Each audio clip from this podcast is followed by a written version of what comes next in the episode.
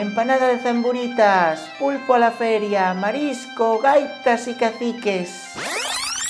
Eso é todo o que coñeces de Galiza. Rachamos cos tópicos.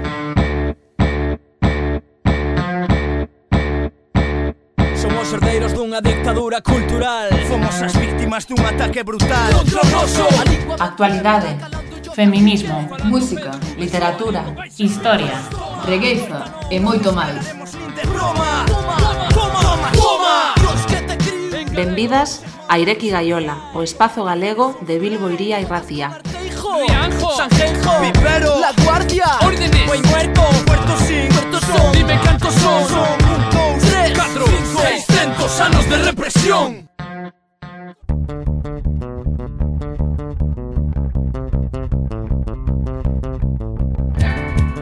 Benvidas a un novo programa de Ireki Gaiola. Hoxe, Senén e Maiseu Brais retransmitimos desde o 96.0 da FM en Bilbo Iría e Ratia. Benvida tamén se nos estás a ouvir desde o streaming da súa web, no podcast de arquivo ou na plataforma iVox. E Garai berri bat hasi da, ireki, gaiolan irrati saioa. Sasoi honetan informazioa eta diversioa zutabeak izango dira Euskal Herrian dagoen garizako enbaixada honetan. Eta besterik gabe sumarion sartuko gara.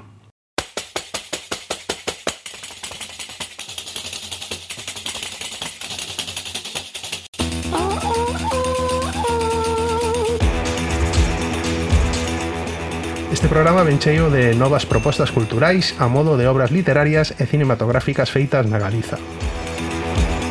Iniciamos o programa apresentando a obra biográfica Nos días encantados de agosto, unha viaxe apaixonada na busca do rastro do esquecido iconauta José Gil, o auténtico precursor do cinema galego da má do seu autor Manolo González.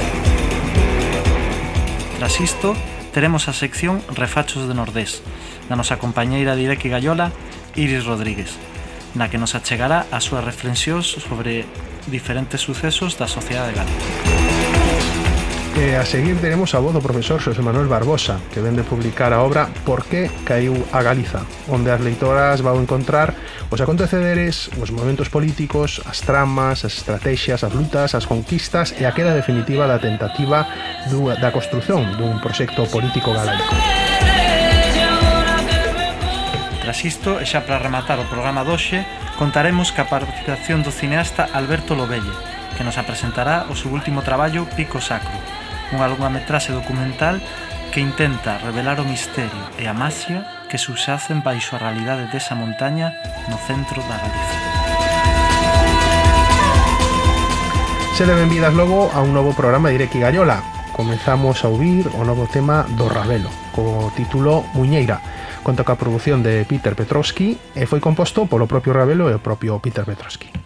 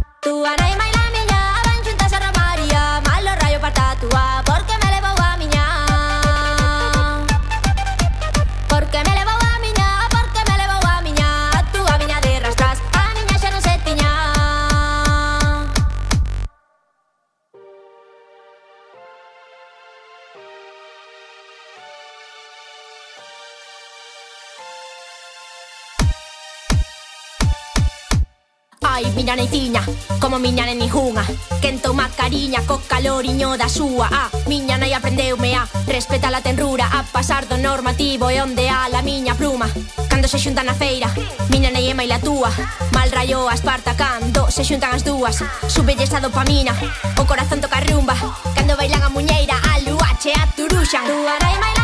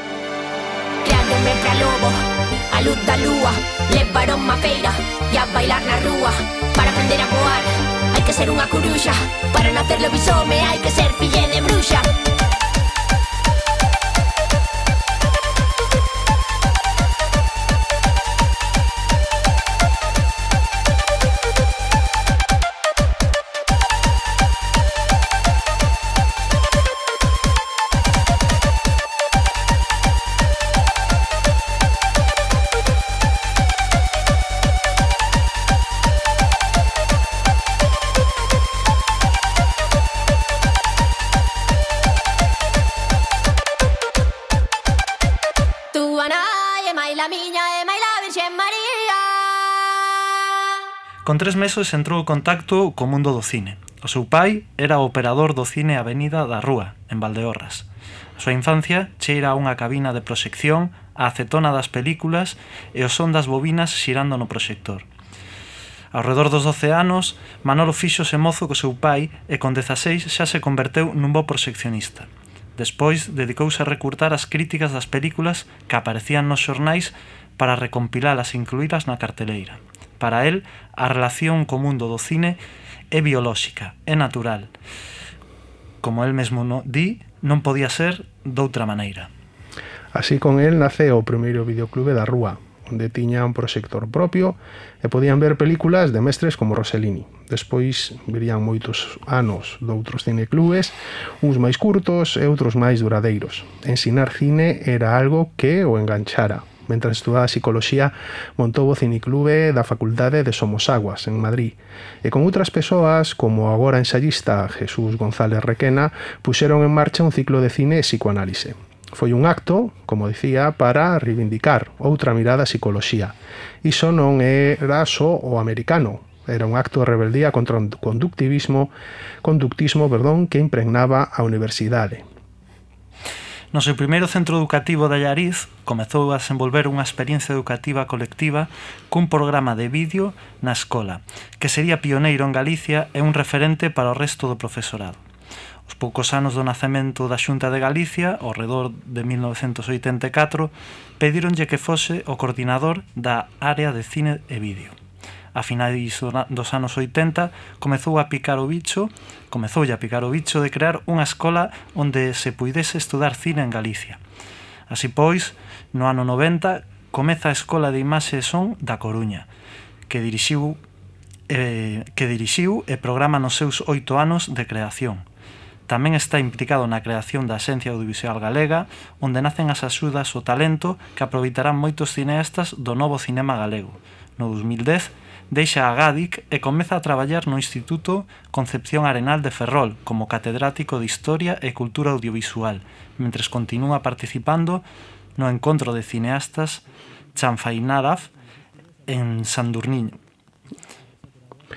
O libro que nos apresenta hoxe, nos días encantados de agosto, é unha viaxe apaixonada na búscada do rastro do esquecido iconauta José Gil, o auténtico precursor do cinema galego, quen filmou Galicia todos os agostos entre 1910 e 1934. Benvido Manolo a Ireki Gallola, boas tardes. Vaya, estades moi documentados, eh? Manolo, este... Home, o, o, único, o único que non son catedrático, eso, eso, puxeche de catedrático, que está ben, pero a ver, non chego a esa cousa, eh? Uh -huh. Profe, no, profe de pé de obra, non, profe normal. Moi ben. Claro, ah, eh, Moi ben o eh, eh, apuntamento. É a única, é a única, a única, a única cosa que vos diría. Vale. Pero, ademais, bueno, bueno, vale, gracias, nada máis. No? Gracias polo, polo agarismo que, que demostraxe que aí currando na historia. Manolo, este, este traballo, esta obra que, que ves de publicar, eh, como un exhaustivo estudo, sobre unha das figuras pioneiras do cine en Galicia. Non? E presenta un home que tentou construir Galicia dende posicións de progreso e modernidade nunha sociedade que tardou demasiado tempo en comprender a trascendencia dun cinema propio e a necesidade de conservalo como patrimonio imprescindible do imaginario colectivo. Non? Cando te atopas ca, ca vida, ca historia de José Gil e por que decides iniciar a, a investigación? pregunta complicada porque si quizás me levaría dos, dúas horas contestar. eh, eh, non, porque que e además faría faría spoiler absoluto do libro, porque é o punto de arranque. Porque bueno, si así resumindo, a historia foi azarosa, a, o encontro con José Gil foi bastante azaroso. Está eh, donde puse máis empeño a hora de construir o, ese, ese libro que tes aí na parte inicial, non? eh, que se produce en Pontareas no 1976, uh -huh. choveu. Entón empezo aí, e ao longo da miña vida, que bueno, que a xente pensa que a xente que estuve, que levo 30 anos currando no libro, que, que en fin, que, que de broma, o sea, porque estuve facendo moitas cousas e que non se pode facer estas cousas, acabar de decir. A medida que iba atopando eh, unha historia del, pues, iba guardando en carpetas e, e iba acumulando pouco a pouco cousas sobre el, eh, e logo a súa figura me pues, prácticamente se apoderou de min eh, así entre comillas e eh, eh, eh, da un xeito determinou gran parte da miña vida. Eh, no libro queda bastante patente esa relación que teño co, con ese persoeiro.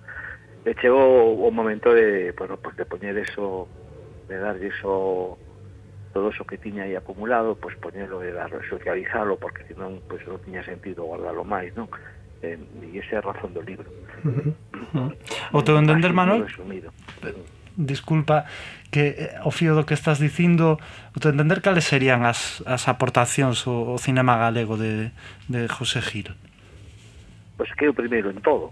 É, é, é o primeiro que fai, é o primeiro, primeiro é un rapaz da aldea, pobre, de familias de, la, de, de, de orixe labrego, e que é capaz de convertirse en un cineasta o cal é xa, se estamos a falar o século XIX, século XX, é, é en si mesmo un prodixio. Mm. Si vos dades conta, casi todos os primeiros do cine proceden de extracción burguesa, de familia máis ou menos ben, e tal. Bueno, pois pues, eh, a mí me parece prodixioso que un capaz da aldea sea capaz de convertir eh, en un señor, vamos, dun, dun convertirse nun fotógrafo máis máis eh, potente, máis eh, solicitado da cidade de Vigo, a 1910, que se metera a, a facer a mercar unha cámara gomón e bueno, pois pues, é o primeiro que fai documentais pisos de decir, fai fiari é o primeiro que fai cine industrial e cine pedagóxico, é o primeiro que, que fai cine de ficción, é o primeiro que ten unha filmoteca, eh, e podíamos decir así, o primeiro, o primeiro, o primeiro que monta empresas, tres empresas de as tres primeiras empresas que se montarán en Galicia de cine, e mantén relación apaixoada co cinema desde 1910 ata 1937, unha continuidade absolutamente exemplar. Eh, penso que son méritos de abondo para colocalo onde colocalo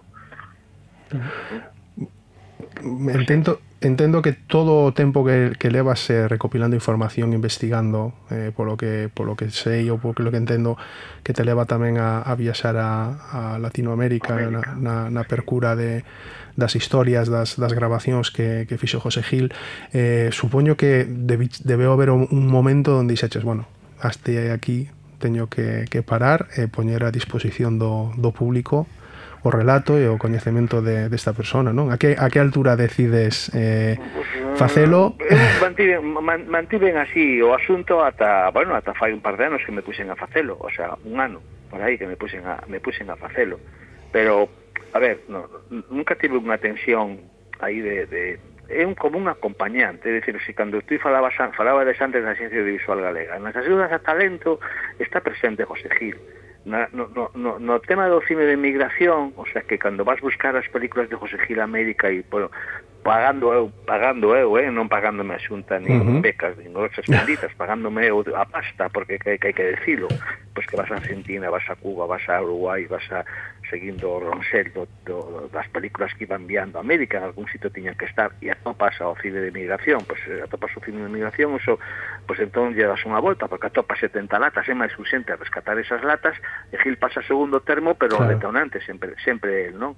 Uh -huh. sempre, sempre el que me vai levando, me vai así como conducindo, eh, inda que parece un pouco estrano, pero así é, así, o así o vivo eu, ou así uh -huh. me gusta vivilo, que mellor que é moi se creéndose un creendo un todo ese eh, eh, bueno, pues, eh, pues, de algún xeito eh, muitísimas das, das cousas da miña vida, o sea, hai que hai que empezar dicindo que eu empezo conozco a José Luis en Pontareas, a, a perdón, a José Gil en Pontareas, pero a decisión a decisión final é cando chego desa viaxe por Pontareas e chego a miña casa e meu pai coñecía a familia de, de José Gil o meu pai e cando uh -huh. vexo que na, na, na aldea da miña nai ali o carón da aldea da miña nai na, na casa da miña nai onde naceu a miña nai eh, es, apareceron mm, fotografías, documentos, cousas de José Gil. Entón é como como si me fora, bueno, como si, mm. como si me fora levando cada, cada, bueno, cada él directamente, ¿no?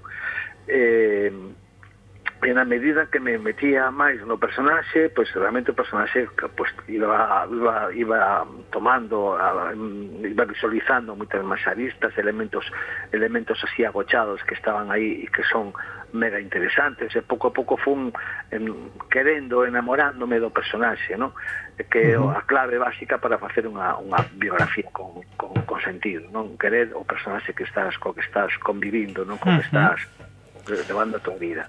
Entón ten así un punto, a ver, o libro prescinde de prescinde de así información contextual a tope, non é un libro académico, pero non é un libro universitario, paso de, paso de todo eso. É un libro feito co corazón, donde poño aí o que sinto, o que vou vivindo, o que vou, o que vou aprendendo por, por mí mesmo. Non hai eh, non se parece nada aos biografías académicas tradicionais, nese sentido, non? É un eh, libro case, non, como sobre un compañeiro de vida, como dis, non? Pois sí, pois sí, tal cual, está ben definido eso, sí. Eh, eh, E bueno, e logo, pois pues, claro, que sempre está aí rolda por la cabeza, pois pues, é eh, o asunto das películas, non? De que de 155 só, só, só tiñamos sete. Uh Eh, pero bueno, eso tamén é certo que o cinema mundial lle pasou, lle aconteceu o mesmo, o cinema silente, o cinema mudo, o chamado cinema mudo, que o cinema mudo, sempre digo, o cinema mudo non existiu, non? Porque nunca existiu, sempre foi cine sonoro, sempre hubo sonido nas salas, eh, pues 90% do cinema mundo mundial tamén desapareceu, non? O sea que máis ou menos corre unha sorte similar ou parecida ao resto da o resto dos seus compañeros de cine silente, non? Manuel, a tua, na, na, na tua trayectoria sempre estivo presente a, a investigación histórica eh, eh, en relación ao, ao cinema Como consideras que está este aspecto non eh, implantado a nivel curricular nos eh, centros educativos eh, en relación ao audiovisual como ferramenta multidisciplinar? Bueno, non sei como estará por aí, pero por aquí é un desastre absoluto. Ah, por aí o mellor tedes máis, máis historias, pero por aquí eh, é un tema do que pasan directamente as institucións. Eh, que decir, para decir, para empezar, pues hai unha filmoteca de Galicia, pero leva tres anos sin director, non se gasta un euro ninguén en non se gasta un euro ninguén en, en na localización e identificación de material, eso fisionero no meu tempo, pero non hai unha actitud proactiva, digamos, da Filsa Filmoteca, non se gasta un euro, en, digamos, na, da conservación do patrimonio, na restauración, nin na divulgación do, do, do, da nosa historia a través, pues, que sei, a través das redes, tampouco é tan complicado. Vale, non hai, é dicir, hai unhos responsables que son o Consello de Educación actual, que se chama Román Román, hai o señor director da Gadi que se chama Jacobo Sutil, hai unha señorita que se chama Dolores Mijomín, que son as persoas que levan o audiovisual, e, bueno, yo que fan é non facer absolutamente nada a respecto a este asunto no que estamos, non? tanto no mundo educativo, tanto no mundo educativo, cando falo educativo, falo da, da, da chavalada, que non hai por, por ningún, salvo as os alumnos que teñen o bachelato artístico, que teñen aí unha unha asignatura e unha materia e en algúns institutos teñen eh, o asunto audiovisual, pero casi todo está enfocado ao cine industrial, casi todo está enfocado a, ao cinema, digamos, máis convencional, a que as películas se necesitan 6 millóns de euros para facer unha película, que se necesitan 100 persoas para facer un, un corto, cosas así. Sí, sería eh, como se si na literatura se, se estudiasen os, os bestsellers únicamente, non? Ou se tivesen en conta sí, pero se olvida as cousas... de que o cinema é un xeito de expresión artística en primeiro uh -huh. lugar, non, expresión artística e persoal. E entón, eh, pois, pues, esa filosofía digamos, de, do cinema concebido como, non, así non en plan tópico, como arte, pero sí como medio de expresión, pois é inexistente, que uh -huh. a de parte dos cursos que hai de cine son empezar, ah, hoy toca o reto dos planos, o primer plano, o plano medio tal, logo os metros de cámara, logo non sei que, logo non sei cuánto, e iso non é así non se aprende, jolín.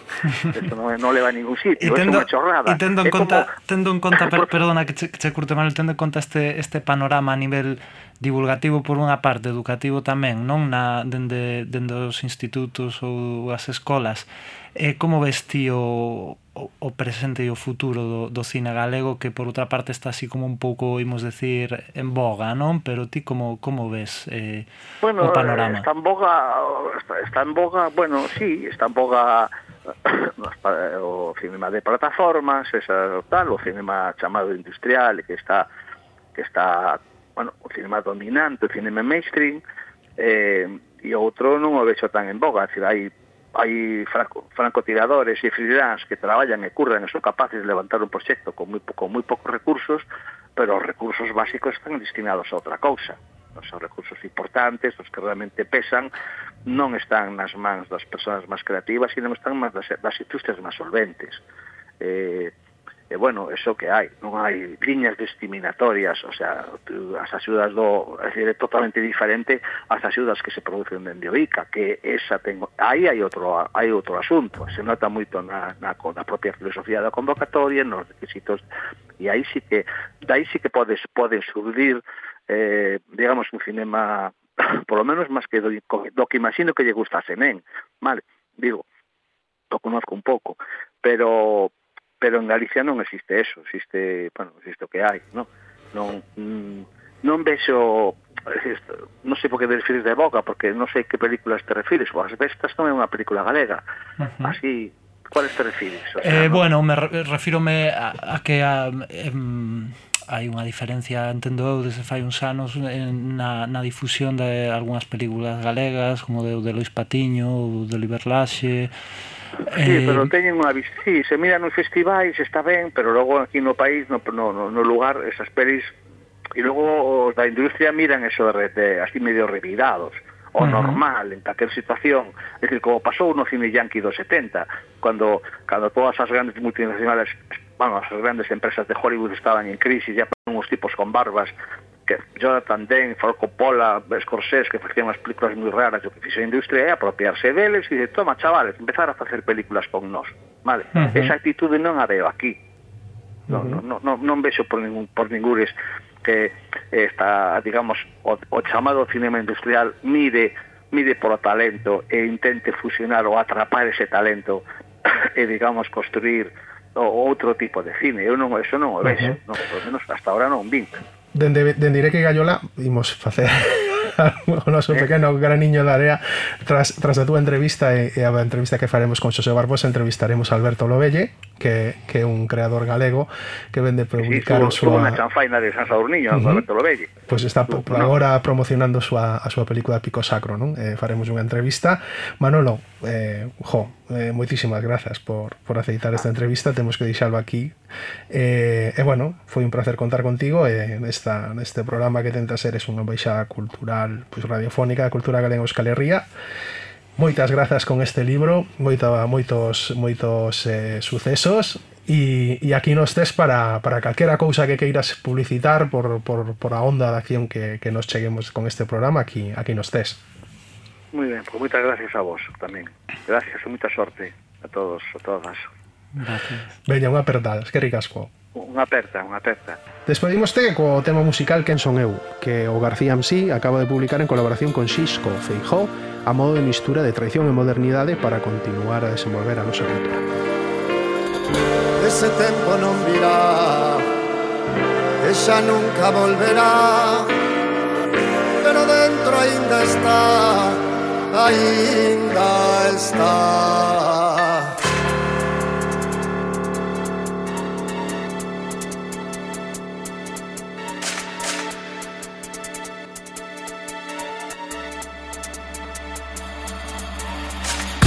se lembrei-me cando era un rapaz. Ao ritmo deste compás Mentre soaba Nicki Minaj Reparando en tempos pasados ali por trás Do instituto. 14 anos non eran cigarros Xa fumábamos. Xa fumábamos. E como éramos no destino Mi onde estamos, onde estamos? O que fixemos, que conseguimos Tempos pasados. Tempos. De experimentación Buscando a verdade onde non era Pero aquela xeira foi necesaria Gracias a elas son quen son. Ese tempo non virá. Ella nunca volverá,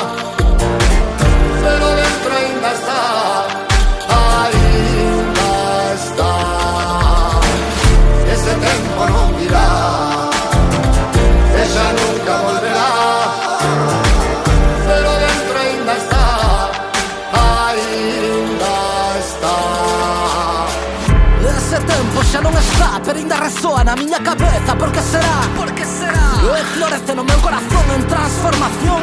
Fracaso escolar dun sistema que te examina Que te explota como unha mina. Así era a miña vida. Bebíamos litros antes de clase Menudo desfase. Pero o rap me liberou, me conectou Todo estou bom, quen son eu? Para que estou no mundo. Un sentimento profundo coñecelo o mundo Era o meu rumbo Alma sensible, mundo pouco flexible. Rompe o fusible, fago, isto é extensible. A todo aquel que vive como vivín eu Con coraxe, miña primeira viaxe. O meu primeiro pico, miña primeira letra. O meu primeiro chollo, miña primeira rapaza. O meu primeiro concerto, miñas primeiras drogas. As miñas primeiras grandes preguntas en busca de grandes verdades. un sentimento profondo Ese se tempo non ella nunca volverá pero dentro hay una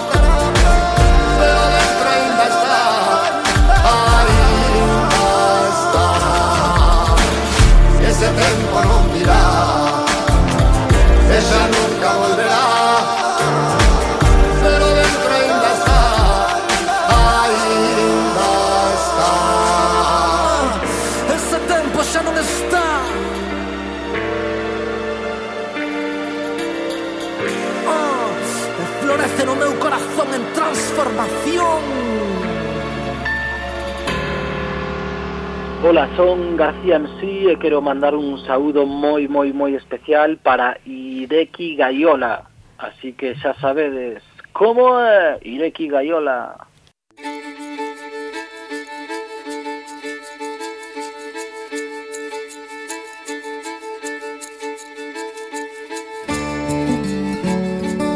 Moi boas ouvintes de Ireki Gaiola placer estar de volta nestas ondas para traervos desta vez novidades do país en forma de refachos de Nordes.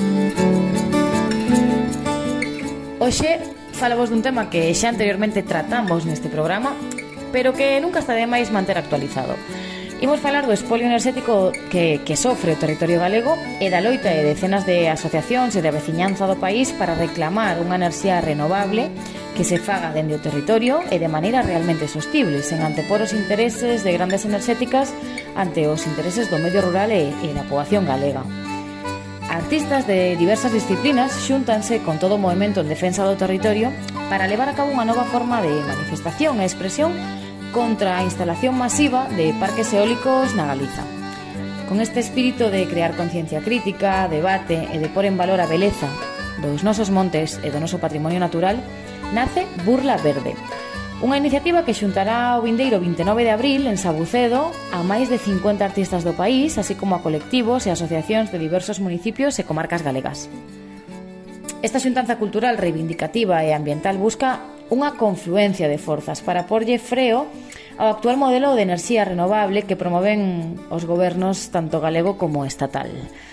Deste mesmo xeito, tamén, con esta fin de semana, buscarase recadar fondos para levar a cabo a elaboración de estudos técnicos sobre o impacto ambiental que ten cada un dos proxectos eólicos que están en fase de aprobación que contrapoñan a, a, aos que están a presentar actualmente e aos que presentan as empresas enerxéticas e que realmente estes estudos poñan de manifesto as consecuencias reais que, que teñen estes parques eh, de aeroxeneradores na, na natureza galega.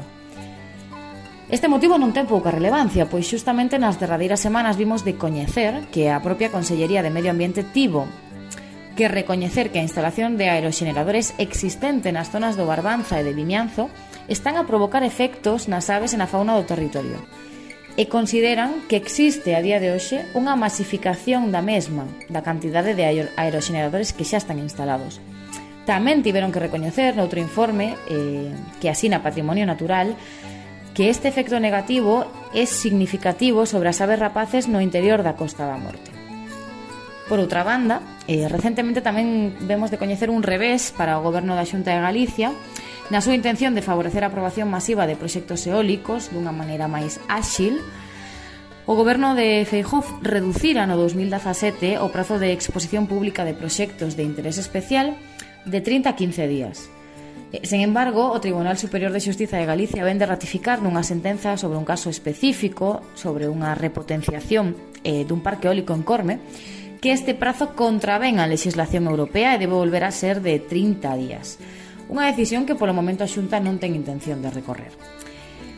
Pero ante esta situación, eh, compre aínda máis eh, por todos os esforzos necesarios en, en falar da situación que vive o rural galego e o patrimonio natural galego, eh, compre frear eh, estes proxectos que ainda están por, vin, por vir, asegurando sempre un análise dos efectos e das consecuencias que estes teñen no noso patrimonio natural. Recordade, vémonos o vindeiro 29 de abril en Sabucedo. Arte, cultura, debate, conciencia e moita loita. Unha aperta queridas ouvintes de Ireki Gaiola.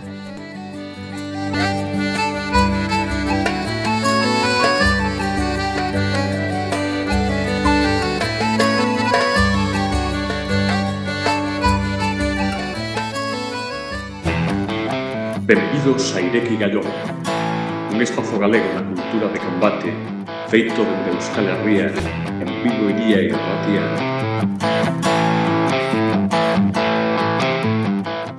Nado en Ourense en 1963, Xosé Manuel Barbosa ten leccionado cursos de lingua, literatura, historia, arte e cultura galegas organizados pela Universidade de Vigo e a Asociación Galega da Lingua. É membro da Academia Galega da Lingua Portuguesa. Tamén integrante do Consello Consultivo do Movimento Internacional Lusófono e do Instituto Galego de Estudos Celtas como director administrativo e tamén autor de numerosos artigos no xornal La Región, na revista A Galia, no portal galego da lingua e nos sites Mundo Galiza, Retrincos e no blogue Desperta do teu sono, Desperta do teu sono, do cual é director. No campo da edición, en libro ten publicado unha chea de obras. Algúnas delas son curto, eh, Curso Práctico de Galego, publicado por Agal, Ámago, Magua, Bandeiras da Galiza, Atlas histórico da Galiza, a evolución histórica dos límites da Galiza en dous volúmenes e a súa última obra previa a a que vamos falar contigo. Entrevistamos a José Manuel Barbosa en volta da súa última obra, publicado a través de editora. Eh, an, antes de antes de máis, antes de continuar, queremos disculpa que vos interrompa, mas eh, eh, o, está un poquinho obsoleto eso, quer dizer, o MIL, o Movimento Internacional Lusófono e o ISEC, o Instituto Galego dos Celtas, sí. eh, xa non están xa non están presentes, que xa non son eh, ah. eh, membros deles. Eh, fun no seu día, mas a día uh -huh. de hoxe non. Uh -huh. Entón, vale. podedes corrixir se queredes ou ben. ou, bon, bon. Que non, está, está ben, está ben a aportación así en, sí, en directo. Sí, logo correximos. Eh, como dicíamos, o, o, o libro que o a obra que apresentas, por que caiu a Galiza, eh, Onda leitoras vou encontrar os aconteceres, os momentos políticos, as tramas, as estrategias, as lutas, as conquistas e a queda definitiva da tentativa de construción dun proxecto político galaico. Sí. Benvidos, José Manuel, a este programa de Erequi Gallola. Eh, ben achados, obrigado. Moitas gracias, José Manuel, por estar aquí. Eh, vou comenzar cunha pregunta en relación ao subtítulo do, do último do último libro, onde se lé a coroa galaica durante a era compostelana. Sí. Que se entende a nivel xeográfico e a nivel do poder político a era compostelana na Galiza para que non te este afeito a este termo? Bon, ese termo é un termo eh, cuñado por, por, por historiadores galegos eh, que mm, determinaron ou, ou, ou definiron esa, esa, esa, unha época histórica determinada uh -huh. eh, que é a que máis ou menos eu ocupo, no, é o espazo temporal que eu máis ou menos ocupo, en que eh, Compostela eh, pues, eh, foi, pues, foi esplendorosa, no momento en que máis esplendor conseguiu, tanto político como económico, como cultural, como militar, como de todos os puntos de vista. Entón, é esa época que culminou, basicamente, na época de Xelmírez e de, e de Afonso VII, E a partir de aí pois, foi cando empezou a decair, non? O punto alto foi justamente ese, pois Hermídese con Afonso VII, e posteriormente pois, eh, o asunto, pois, pois, por razóns que explico no libro, que pois, comezou a decair. O decaimento inmediato non foi tan eh, tan grave nin tan, nin tan terrible porque inmediatamente despois dese momento viñeron as cantigas, viñeron épocas tamén eh, que, en que eh, e o esplendor continuaba, non? Ainda que políticamente non era igual, non era, non era exactamente igual. Mas a era compostelana chamase a ese, a ese espazo histórico en que podemos definir que Compostela foi o centro eh, basicamente o centro político e eh, eh, sistémico case da Península Ibérica, por menos da, da Península Ibérica mm, da parte cristá. E a súa influencia na parte en outros lugares de Europa foi grande. Mm. eh, porque mesmo chegou a concorrer con Roma. Uh -huh. Más ou menos pode definir esa época así, eh, eh, non, non creo que vai moito máis para atrás e moito máis para diante, e penso que se, se, se axusta máis ou, máis ou menos os reis que, que contabilizo no meu libro. Uh -huh. No libro explicas como a Compostela daquil tempo eh, supuña unha ameaza para o pro poder do Sacro Imperio Romano, non? Eh, eh, eu que me preguntaba, nos preguntamos como foi eh, é posible que Compostela se, se postulase como sea apostólica non? No tempo. Que, po, que poderes previos apoiaban isto ou eh, tendo en conta a oposición de Roma que era o, o, o imperio máis forte daquela cristiá Vamos ver, eh, non, eh, non foi o Sacro Imperio Romano xermánico, foi, foi un imperio alemán, eh, foi basicamente foi Roma, o, o non é imperio, que dizer, é, o poder papal, basicamente, eh, que se opuña, eh, non, non o Sacro Imperio Romano Xermánico, que é un poder político que estaba no, no centro norte da península, e eh, non teña nada que ver un co outro. Quer dizer, eh, o que tú me preguntas, mm, basicamente, é que mm, Roma sí concorría con, con Compostela, Compostela con Roma, e así é recoñecido por, eh, por Historia Compostelana, que é unha obra mm, que escrita eh, por os cónegos de Compostela, que estaban as ordes de Xelmires, e mesmo nesa obra recoñecese que Roma tiña auténtico medo de, de Santiago, de Santiago. E por que era iso? Era uh -huh. basicamente porque eh, na altura uns anos antes, uns séculos, uns décadas antes, pois eh, os bispos de, de Iria, de Iria Compostela, terían, terían definido eh, Compostela como unha sé apostólica. Sé apostólica significa que era a sé onde estaba un apóstol. Eh, na cristandade hai mm, varios puntos, varios lugares que son eh, mm, puntos mm, determinados onde tiveron os apóstoles de Jesucristo tiveron algún tipo de protagonismo, non? Eh, mm, onde estaba enterrado o, o apóstolo Pedro era en Roma, dai que Roma se definise a sí mesma como se apostólica, mas que outra se en Occidente se de, declarase se apostólica supuña un perigo, un, unha ameaza, non? Esa ameaza era eh, nun contexto histórico determinado en que Oriente se acaba de descindir mm, religiosamente falando eh, había acababa de, de, de, de, de acontecer eh, a, eh, a, a creación a, a separación da, da cristandade oriental do, do, do, do, da obediencia de Roma e ao mesmo tempo o Sacro Imperio Romano Xermánico que era o Imperio Alemán naquela altura pois tamén tiña conflitos de, de, de, de dogma ou de, de, de eh, de crenzas eh, ou, ou mesmo de administrativos con, con Roma porque era o que se chamaba questão das investiduras. Porque uh -huh. Roma pretendía ser ela quen enxerise eh, a administración eclesiástica do Sacro Imperio e os imperadores do Sacro Imperio querían ser eles. Entón aí tamén había una, un, un conflito grave. O que non podía consentir Roma naquela altura era eh, que en Occidente acontecese algo igual. E de facto eh, eh, había unha, un comportamento bastante independente por parte de, de, de, de Santiago a respecto do resto da cristandade, non?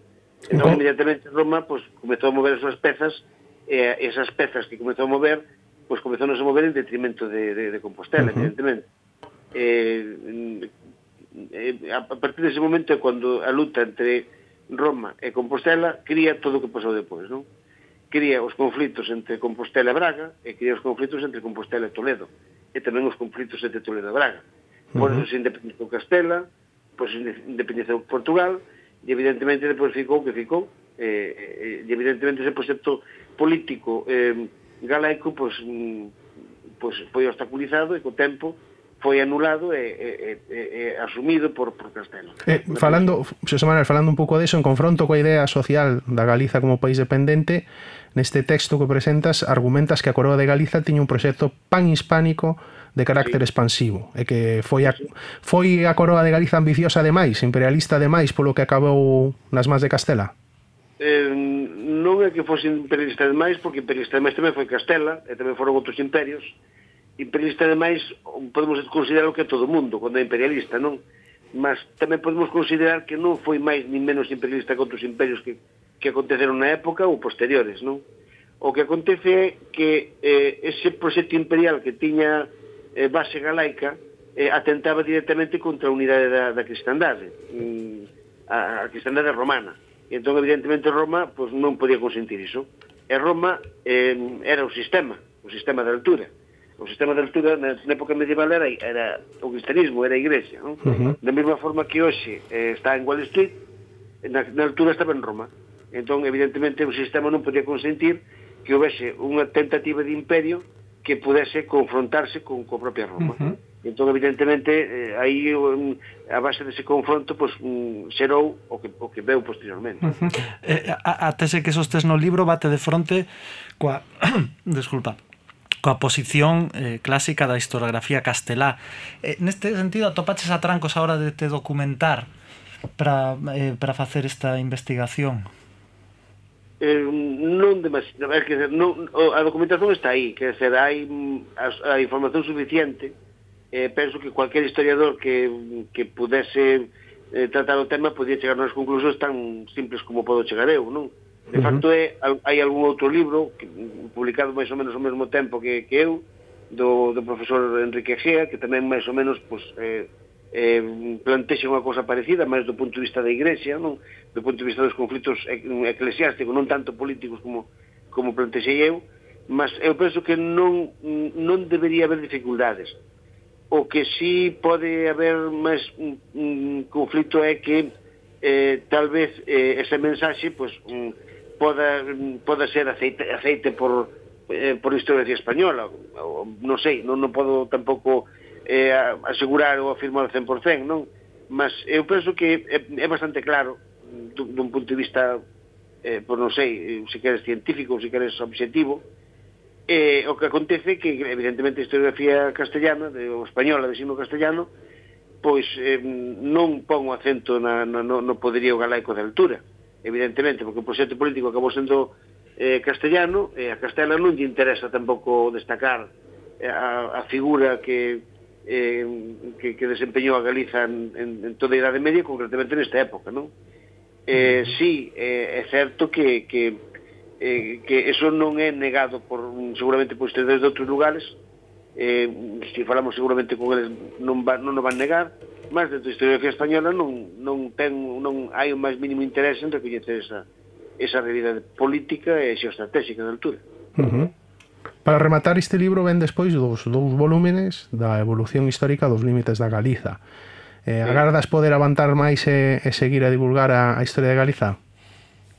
Pois non sei, eh, eso non sei o que poderá dar o corpo e a mente, non sei, oxalá pudese. Eh, de cualquier maneira, continuo investigando, continuo eh, furgándonos eh, na información que temos, e eh, se en algún momento dá para publicar máis cousas, pois podía ser Uh -huh. De facto, o texto que último que acabo de escrever acaba xusto co, coa, mm, eh, coa perda da, da primeira perda de independencia da, da coroa galaica. Uh -huh. Depois houbo varias tentativas de independencia, algunhas sucedidas, ou eh, eh, de, de, tant, houbo tantas como tantas anexoes outra vez.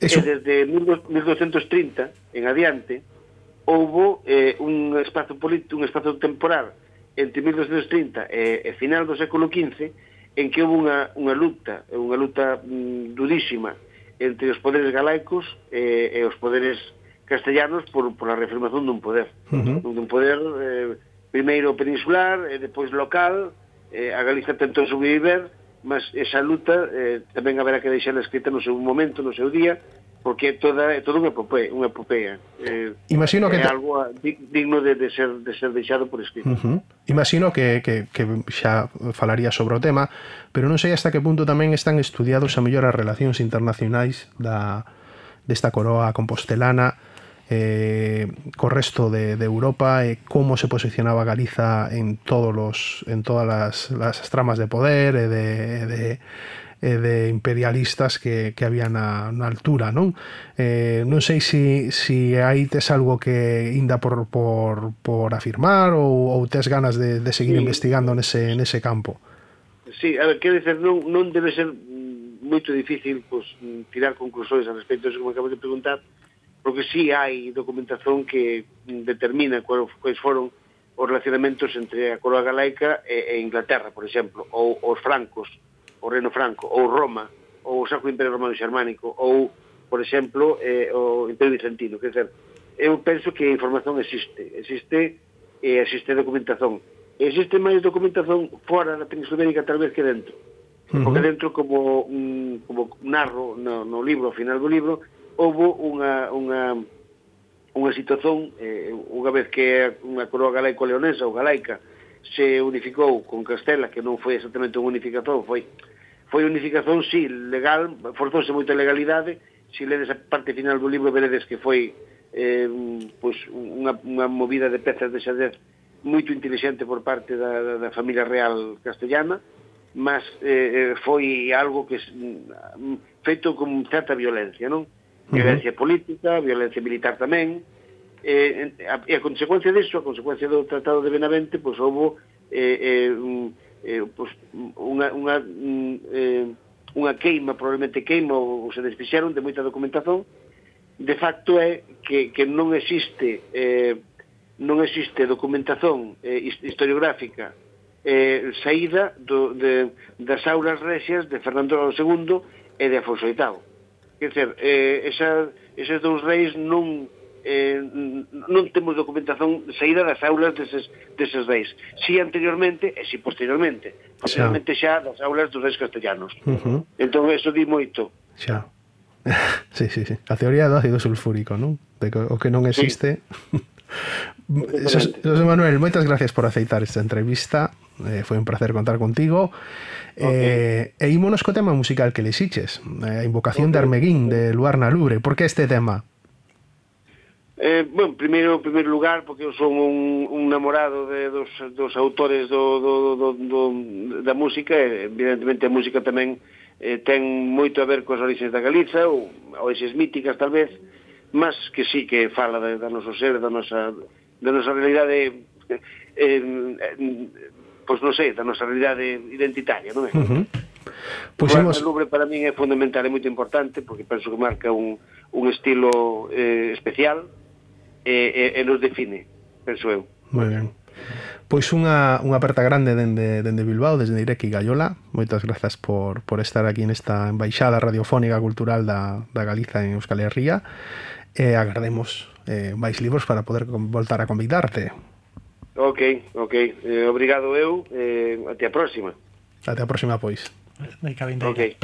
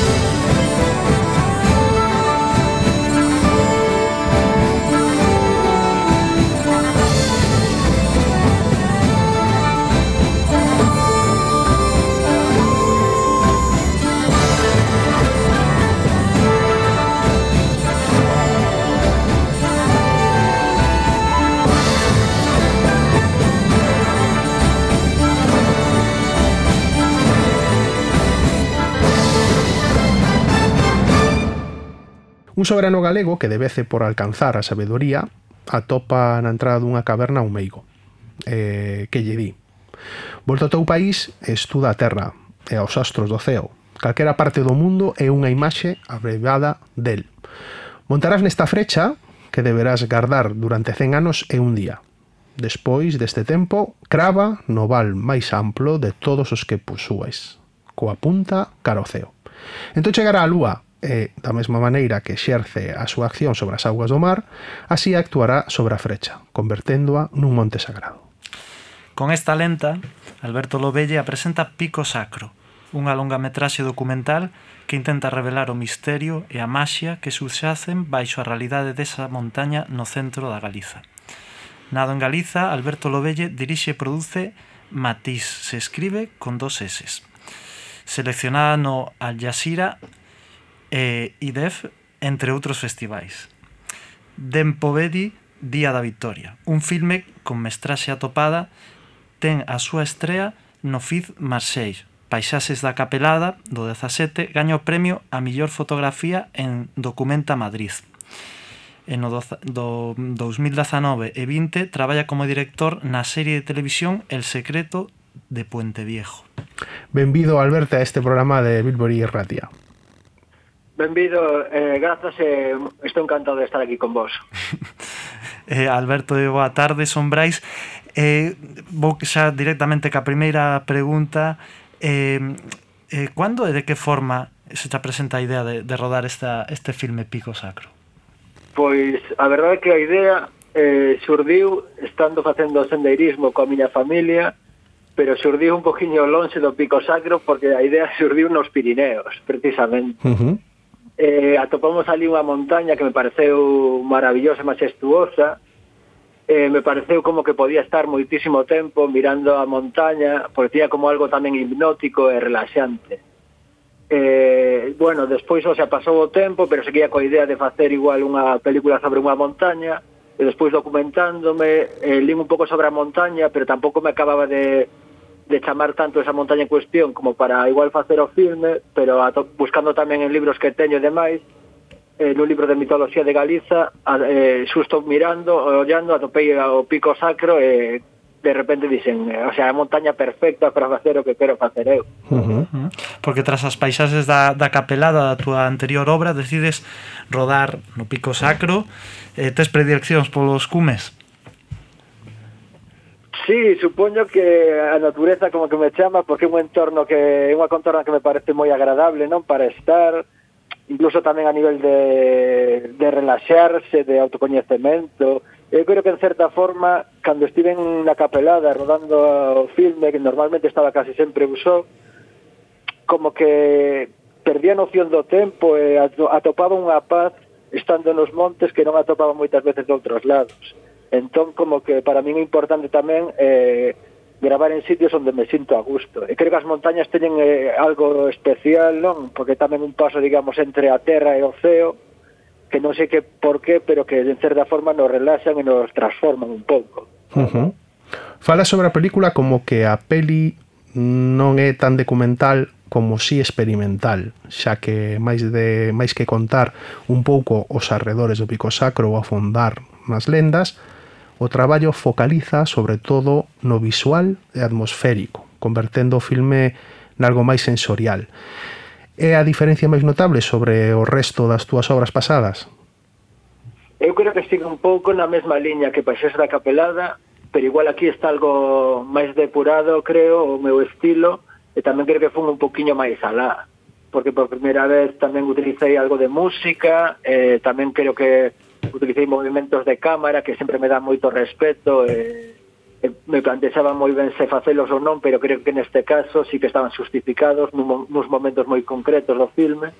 Eu creo eu vexo Pico Sacro como unha progresión, digamos, do meu traballo. Tamén podo dicir que esta vez, por exemplo, sí que o filme en cor, o de Pases da Capeladera en branco e negro, pero tamén era un pouco por por, tamén por problemas técnicos, digamos, e de, e de material, porque a cámara que tiña antes non era tan boa, entón visualmente había algunhas cores que ni sequera quedaban ben, hai algunha roupa, por exemplo, de traballo que se a cámara non é moi moi boa, pois que visualmente chama demasiada atención, os brillos que mete e demais, e agora cunha cámara que teño que está mellor, pois me, tamén me plantexaba facelo en cor, porque me parece que tamén o blanco e negro a veces é un pouco tramposo, non? É como que ten ese marchamo aí de arte de facer algo máis artístico, uh -huh. Pois, eu tampouco quería facer algo, digamos, que chamar atención polo artístico, senón que fora un pouco tamén realista. Uh -huh. Uh -huh. Es autor tamén Alberto de Dempovedi, O día da Victoria, un filme de, de 2015. Está ambientado na Ucrania durante a celebración eh, familiar da victoria do Exército Vermello contra o nazismo. E desde o momento actual, eh, tendo como contexto o conflicto que libra neses territorios, que, que reflexión faz? Eh, non sei, un tema bastante complicado, non? Como para poder abordalo así nos minutos, pero bueno, creo que o problema xa ben cementado de hai bastante tempo, uh -huh. porque de feito xa na, bueno, cando foi a Segunda Guerra Mundial, non? E incluso, bueno, que chamada por eles tamén gran, gran Guerra Patriótica, pois tamén houve sempre como certas aspiracións eh, independentistas de Ucraína, eh, incluso houve xente que colaborou cos nazis cando cando os nazis chegaron a Ucraína e demais, entón como que hai aí un conflicto se resolver e que creo que tamén se azuzou de mala maneira eh, por Occidente e agora estamos recollendo eh, o que é unha mala xestión e, eh, e moita manipulación, penso. Uh -huh. Alberto, partillas como un audiovisual máis comercial con outro máis artículo no de correr profesional, non? Eh, desde facer, pois eso, obras como este Pico Sacro a, a traballar en, en series eh, televisivas máis máis mainstream, non? Eh, que te aportan esos dous mundos como, como creador? Pois, a ver, eh, eu non sei por que esteña razón, pero bueno, non consigo financiamento para os meus proxectos, eh, entón, digamos, eh, artísticamente os meus proxectos, o sea, como que me enchen un pouco como como creador, como ser humano e como tamén como aposta, non? Un pouco ideolóxica, porque ao final creo que todos os actos son políticos e eh, eh, decidir gravar dunha determinada forma, eh, con ritmos pausados, eh, dando un certo marxe ao espectador para sacar conclusións, para sentir o que está vendo, para plantexarse incluso o que o que está vendo, pois creo que algo moi importante a ter en conta. Eh, digamos, a ese nivel sí que me realizo un pouco a nivel non artístico e a nivel máis industrial, pois creo que aprendo tamén o que é oficio e sobre todo pago os meus traballos despois máis artísticos. Uh -huh. Moi ben, eh, Alberto, pois eh, moitas grazas por aceitar esta entrevista Foi un placer contar contigo neste programa Ímonos co tema musical que lexiches Nove cruces dos Falperris Por que este tema? Pois a verdade é que, bueno, tive, tive bastantes dúbidas sobre que escoller porque últimamente, bueno, sobre todo escrito moitísimo jazz eh, estiven pensando que, que temas podía escoller eh, os falperes, por exemplo, sí que me gustan os coñecinos hai relativamente pouco pero creo que ese tema como que a una eh, melodía eh, sentimento, emoción, eh, reivindicación, ¿no? Entón me parecía moi interesante a proposta, a canción de feito me parece moi fermosa e moi emocionante. Pois foi o, outra vez de, foi un placer estar contigo celebrando este esta nova obra que no que apresentas e eh, eh, agardando poderla ver eh, en breves por Bilbao e poder ao mellor contar ca túa presencia para para que para que falar xa cara a cara. Eso sería fantástico. Moitas gracias a vos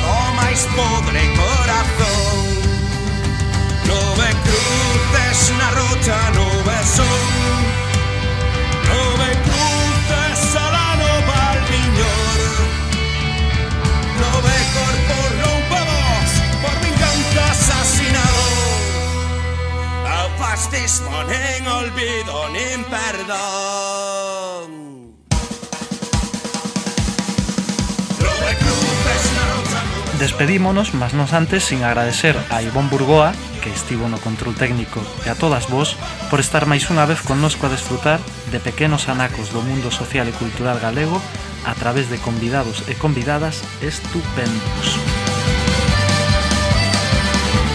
Jarraituko dugu zuekin partekatzen bidai hau irratiko magmatik doana gure bi herrien. Arteko bidea goxotasunez erkartzen den bitartean. Muxus, geixiños, adeus, agurillo. Era o ano do 1936 Nos fusidos de os ineses eran asesinados, hoy sus cuerpos masacrados, como homófobo fascismo Mike Perón. No me cruces la lucha con el sol, no me cruces a la nova millón, no me cuerpos robados, hoy asesinados, o fascismo ni olvido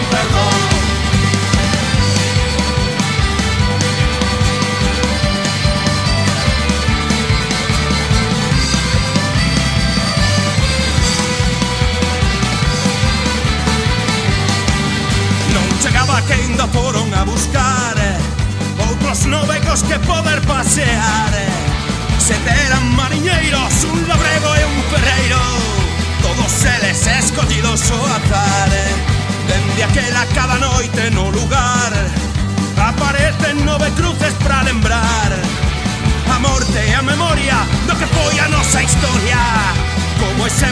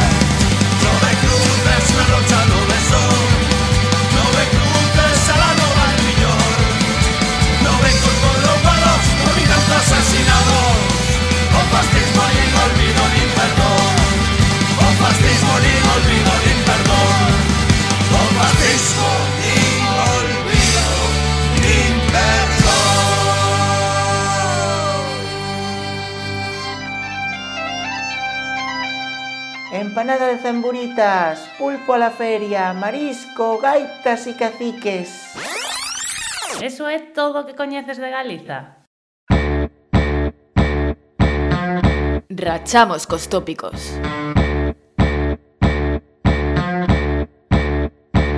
Somos herdeiros dunha dictadura cultural Fomos as víctimas dun ataque brutal Actualidade Feminismo, música, literatura, historia, regueiza e moito máis. Benvidas a Ireki Gaiola, o espazo galego de Bilbo Iría e Racía. Rianjo, Sanjenjo, Vivero, La Guardia, Órdenes, Buen Muerto, Puerto Sin, Puerto Son, Dime cantos son, son, un, dos, tres, cuatro, seiscientos anos de represión.